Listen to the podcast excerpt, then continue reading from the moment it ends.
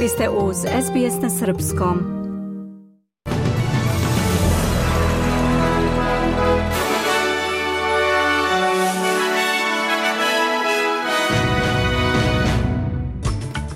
Australijska politika mora biti mudrija usled klimatske krize i uspona Kine, kaže se u izveštaju Organizacije za azijsko-pacifički razvoj. Napetost na konferenciji za medije Aleksandra Vučića i nemačkog ministra Borisa Pistoriusa.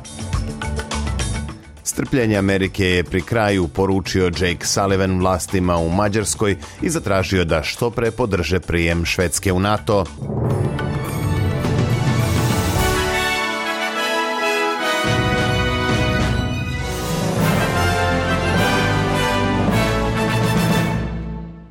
Premijer Papua Nove Gvineje James Marape obratio se parlamentu Australije tokom svoje zvanične posete Kamberi. U obraćanju je istakao zajedničku istoriju dve zemlje, istovremeno naglašavajući značaj buduće saradnje. Papua je stekla nezavisnost od Australije 1975. a Marape je izrazio nadu da će Australija nastaviti da podržava svog najbližeg suseda. I ask you, Do not give up on Molim vas da ne odustajete od Papua Nove Gvineje, kazao je premijer te zemlje i dodao da su se odnosi uvek popravljali posle loših perioda. Nastavit ćemo da rastemo i da učimo iz svih uspona i padova, istakao je Marape, naglašavajući da će njegova zemlja sprovesti strukturne reforme i da će se truditi da poboljša efikasnost svog javnog sektora. Klimatska kriza i uspon Kine trebalo bi da podstaknu Australiju da postane mudrija u državnom upravljanju, navodi se u novom izveštaju Organizacije za azijsko-pacifički razvoj, diplomatiju i dijalog o odbrani. Izradu ovog dokumenta zatražili su ministarka spoljnih poslova Penny Wong i predstavnik opozicije za spoljnu politiku Simon Birmingham.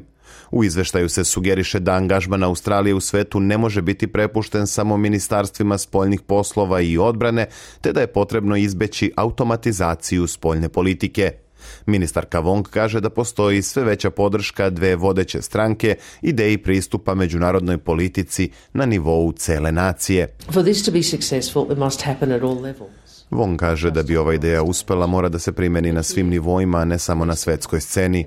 Svi australijanci su dobrodošli u ove diskusije s obzirom na to da svi možemo da doprinesemo postizanju i obezbeđivanju interesa Australije u jednom izazovnijem svetu, naglasila je ministarka. Australijska klimatska koalicija mladih okupila se ispred zgrade parlamenta u Kamberi pozivajući saveznu vladu da poveća uticaj na sprečavanje klimatskih promena – 30 mladih ljudi iz svih država i teritorija govorilo je o tome kako su veliki industrijski projekti i ekstremne vremenske prilike uticali na njihove živote. Jedna aktivistkinja istakla je da vlada treba da bude posvećena okončanju novih projekata fosilnih goriva. Mi mladi želimo vladu koja je hrabra, takođe želimo ambicioznu opoziciju koja može da vidi dalje od političkog interesa i da čuva našu budućnost i budućnost onih koji će tek doći na ovaj svet. Skupu mladih ispred parlamenta prisustvovao je i lider stranke zelenih Adam Band. Kolaps Optusove telekomunikacione mreže koji se dogodio prošle godine, a zbog kojeg su milioni korisnika ostali bez telefonskih usluga i pristupa internetu, doveo je do brojnih pritužbi industrijskom kontroloru. Potrošači traže da im Optus isplati kredite, omogući popuste i uputi izvinjenje. Novi podaci pokazuju da je uloženo 14.670 žalbi u periodu između oktobra i decembra prošle godine.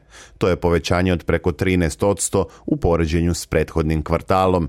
Međutim, podaci koje je prikupio ombudsman industrije telekomunikacija također pokazuju da je broj pritužbi pao za skoro 18% u poređenju s istim periodom 2022. Ombudsman za telekomunikacionu industriju Cynthia Gebert rekla je za SBS da je smanjenje dobar znak, ali da je potrebno stalno raditi na unapređivanju usluga da bi tako i ostalo. Slušate SBS na srpskom. Pregled vesti. Slede najznačajnije informacije iz Srbije i sveta. Mir i stabilnost su od presudnog značaja za sve u regionu i Evropi, a nestabilnost nikome nije u interesu, naglasili su predsednik Srbije Aleksandar Vučić i nemački ministar odbrane Boris Pistorius na sastanku u Beogradu. Predsednik Srbije je posle sastanka istakao da je razgovor bio bez rukavica, otvoren i iskren sa obe strane. Vučić je ponovio da je Nemačka najvažniji ekonomski partner Srbije, ali je naglasio da nema saglasnosti po pitanju Kosova, jer su pozicije Srbije i Nemačke potpuno različite, prenosi RTS. Takođe govorili smo o stabilnosti u regionu i pored činjenice da imamo različito viđenje, posebno u odnosu prema Kosovu i Metohiji, Saglasni smo da su stabilnost i mir od presudnog značaja ne samo za ljude na Zapadnom Balkanu, već i, rekao bih, u celoj Evropi i da nikome nije u interesu bilo kakva eskalacija i nestabilnost. Ja sam tačno je, kako je gospodin Pistorius rekao, dao reč da Srbija nikoga neće iznenaditi svojim vojnim ili bilo kakvim drugim potezima, već ćemo čuvati stabilnost, a moja reč inače znači mnogo više nego mnogi potpisi koje sam gledao kako u regionu, tako i u Evropi. Govoreći o Kosovu, Vučić je rekao i da ne postoji saglasnost po pitanju odluke prištinskih vlasti o uklanjanju dinara iz upotrebe, ukazujući da Srbija u skladu s poveljom Ujedinjenih nacija smatra da je ovaj potez protivzakonit i da to nije pitanje nikakvih prelaznih odredbi i davanja više vremena. Nemački ministar odbrane Boris Pistorius izjavio je da je razgovor sa Vučićem bio kratak, otvoren i iskren, te da je zaključeno da je Srbija najveća ekonomija Zapadnog Balkana i partner Nemačke. Pistorius je naglasio da to što je Srbija najveća ekonomija znači da ima i najveću odgovornost. Prema njegovim rečima vidi se veliki potencijal za razvoj kroz integraciju regiona, što je važno i za članstvo u Evropskoj uniji. Pistorius je istakao i da su razgovori o Republici Srpskoj se vodili i da su se saglasili da Srbija neće podržavati secesionističke tendencije u Bosni i Hercegovini i da će podržavati teritorijalnu celovitost BiH.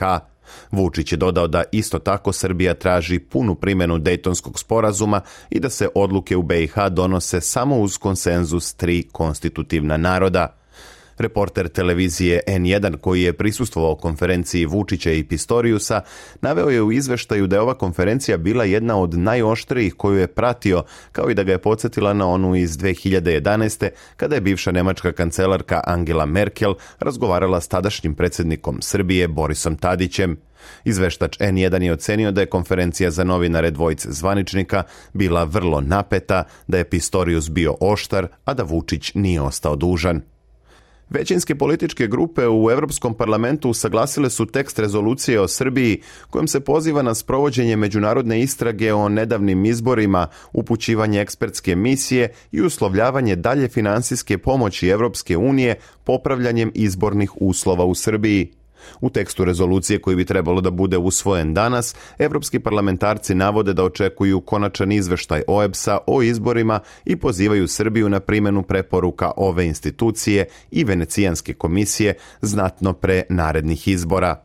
U saglašenoj verziji rezolucije u koju je RTS imao uvid, Evropski parlament poziva na nezavisnu istragu koju bi sproveli respektabilni međunarodni stručnjaci i institucije kako bi se ispitale neregularnosti na parlamentarnim, lokalnim i pokrajinskim izborima u Srbiji. Rezolucija poziva Evropsku komisiju i zemlje članice da primene stroge uslove i smesta sprovedu reviziju predpristupnih IPA fondova upućenih Srbiji, kao i drugih finansijskih instrumenata ako Srbija ne popravi izborne uslove ili ako istraga pokaže direktnu umešanost srpskih vlasti u izbornu prevaru, EU fondovi treba da budu suspendovani zbog grubog kršenja vladavine prava, navode evropski poslanici. U napadu dronom koji su sprovele američke snage u Bagdadu ubijen je jedan od vođa milicije Kataib Hezbolah. Osim njega u napadu su poginula još dvojica pripadnika ove organizacije. Ubijeni lider identifikovan je kao Visam Mohamed El Sadi, poznati po nadimku Abu Bakir. Za njega se smatra da je navodno bio komandant operacija ove milicije u Siriji. Američki Pentagon je objavio da je ovaj lider Kataib Hezbolaha bio odgovoran za napade na američke snage u regionu regionu, uključujući napad dronom u Jordanu u kojem su ubijena tri američka vojnika. Za to vreme američki državni sekretar Anthony Blinken rekao je da je sporazum o prekidu vatre između Izraela i Hamasa još uvek moguć. Blinken se trenutno nalazi u Izraelu i namerava da posreduje u postizanju dogovora o obustavi vatre. Međutim, izraelski premijer Benjamin Netanjahu odbacio je najnoviji predlog Hamasa o prekidu vojnih dejstava u kojem se predlaže oslobađanje svih izraelskih talaca u zamenu za stotine palestinaca koje je Izrael zatvorio. Netanjahu je najavio borbu do apsolutne pobede koja podrazumeva eliminisanje Hamasa, demilitarizovani pojas Gaze i napad na grad Rafa kao jedan od poslednjih ciljeva. S druge strane, Anthony Blinken je istakao da Hamasov predlog otvara prostor za postizanje sporazuma. We had, uh, an opportunity today to discuss with the Imali smo priliku da razgovaramo sa izraelskom vladom o odgovoru koji je Hamas poslao na predlog Sjedinjenih država, Katara i Egipta. Predlog uključuje povratak preostalih talaca kući i produžetak humanitarnog prekida sukoba. Iako u odgovoru Hamasa ima nekih jasnih odbijanja, mi smatramo da ovo što su predložili otvara prostor za postizanje sporazuma a savjetnik za nacionalnu bezbednost Sjedinjenih država Jake Sullivan izjavio je da su članice NATO-a upozorile Mađarsku da ne odlaže više podršku članstvu Švedske u ovom vojnom savezu. Njegova poruka je usledila nakon što su političari u Mađarskoj bojkotovali hitnu sednicu parlamenta na kojoj je trebalo da se glasa o uvođenju kandidature Švedske za članstvo u NATO na dnevni red. Mađarske vlasti kažu da su švedski političari izneli laži o stanju mađarske demokratije i zatražila je da švedski premijer otputuje u Mađarsku. Američki savjetnik Sullivan istakao je da se strpljenje Sjedinjenih država bliži kraju. Čuli smo više savjetnika za bezbednost kako govore da je prošlo vreme za Švedsku da se direktno obrati Mađarskoj i da im kaže da su oni zaista poslednji koji nisu odobrili. To je stvar kredibiliteta i obaveze da preduzmu neophodne korake kako bi NATO mogao da primi Švedsku kao 32. članicu alijanse kazao je Salivan. Na međunarodnom tržištu valuta jedan australijski dolar danas vredi 65 američkih centi, 52 britanska penija i 70 srpskih dinara i 98 para. Od sportskih vesti danas izdvajamo Vaterpolisti Srbije zabeležili su drugu pobedu na svetskom prvenstvu u Dohi, pošto su ubedljivo savladali Crnu Goru sa 14-6. Najefikasniji u srpskom timu bio je Dušan Mandić sa četiri gola, dok su Đorđe Vučinić, Viktor i Strahinja Rašović postigli po dva pogotka. Ovom pobedom Srbija došla na korak do direktnog plasmana u četvrtfinale, koji garantuje i učešće na olimpijskim igrama u Parizu. U poslednjem kolu takmičenja po grupama srpski delfini igraju protiv Sjedinjenih država i bit će im dovoljen i nerešen rezultat da zadrže prvo mesto. U slučaju eventualnog poraza, Srbija će kao drugoplasirana igrati u baražu za četvrtfinale. Meč protiv Amerikanaca igra se u petak uveče po australijskom vremenu. Za to vreme vaterpolisti Australije su ostvarili prvi trijumf na prvenstvu sveta pošto su u meču drugog kola savladali Južnu Afriku sa čak 29-7. U drugom duelu iste grupe Španija je nadigrala Hrvatsku 10-6 i učvrstila se na prvoj poziciji. U poslednjem kolu Australija igra upravo protiv Španije, a bez obzira na ishod ovog meča, najverovatnije će se plasman u četvrtfinale morati da traži kroz baraž. A u Kataru je u toku i završnica Azijskog kupa u futbalu. U finalu ovog takmičenja sastaće se selekcije domaćina i Jordana, pošto je Katar u drugom polufinalnom meču sinoć savladao reprezentaciju Irana sa 3 prema 2. Domaćin Azijskog kupa tako će u subotu uveče braniti titulu osvojenu na prethodnom prvenstvu, dok Jordan po prvi put igra za zvanje šampiona kontinenta. Australija je završila učešće u Dohi porazom u četvrtfinalu od selekcije Južne Koreje. Evo i vremenske prognoze za petak 9. februar. U Sidneju pretežno sunčano i najviše 26 stepeni, u Melbourneu oblačno i 22, a u Kamberi sunčan dan i 28. U Adelaidu sutra takođe vedro i maksimalnih 29, u Brisbaneu moguća povremena kiša i 29, a za Perce najavljuje sunčano i veoma toplo, čak 41 stepen. U petak u Darwinu mogući pljuskovi s grmljavinom i najviše 31, a u Hobartu povremeno oblačno i 23.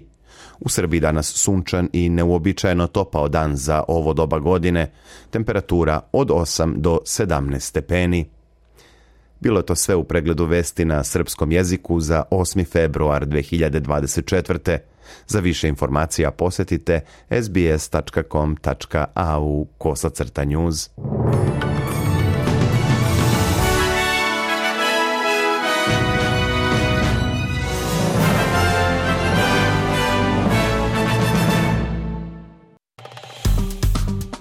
Udarite like, podelite, komentarišite.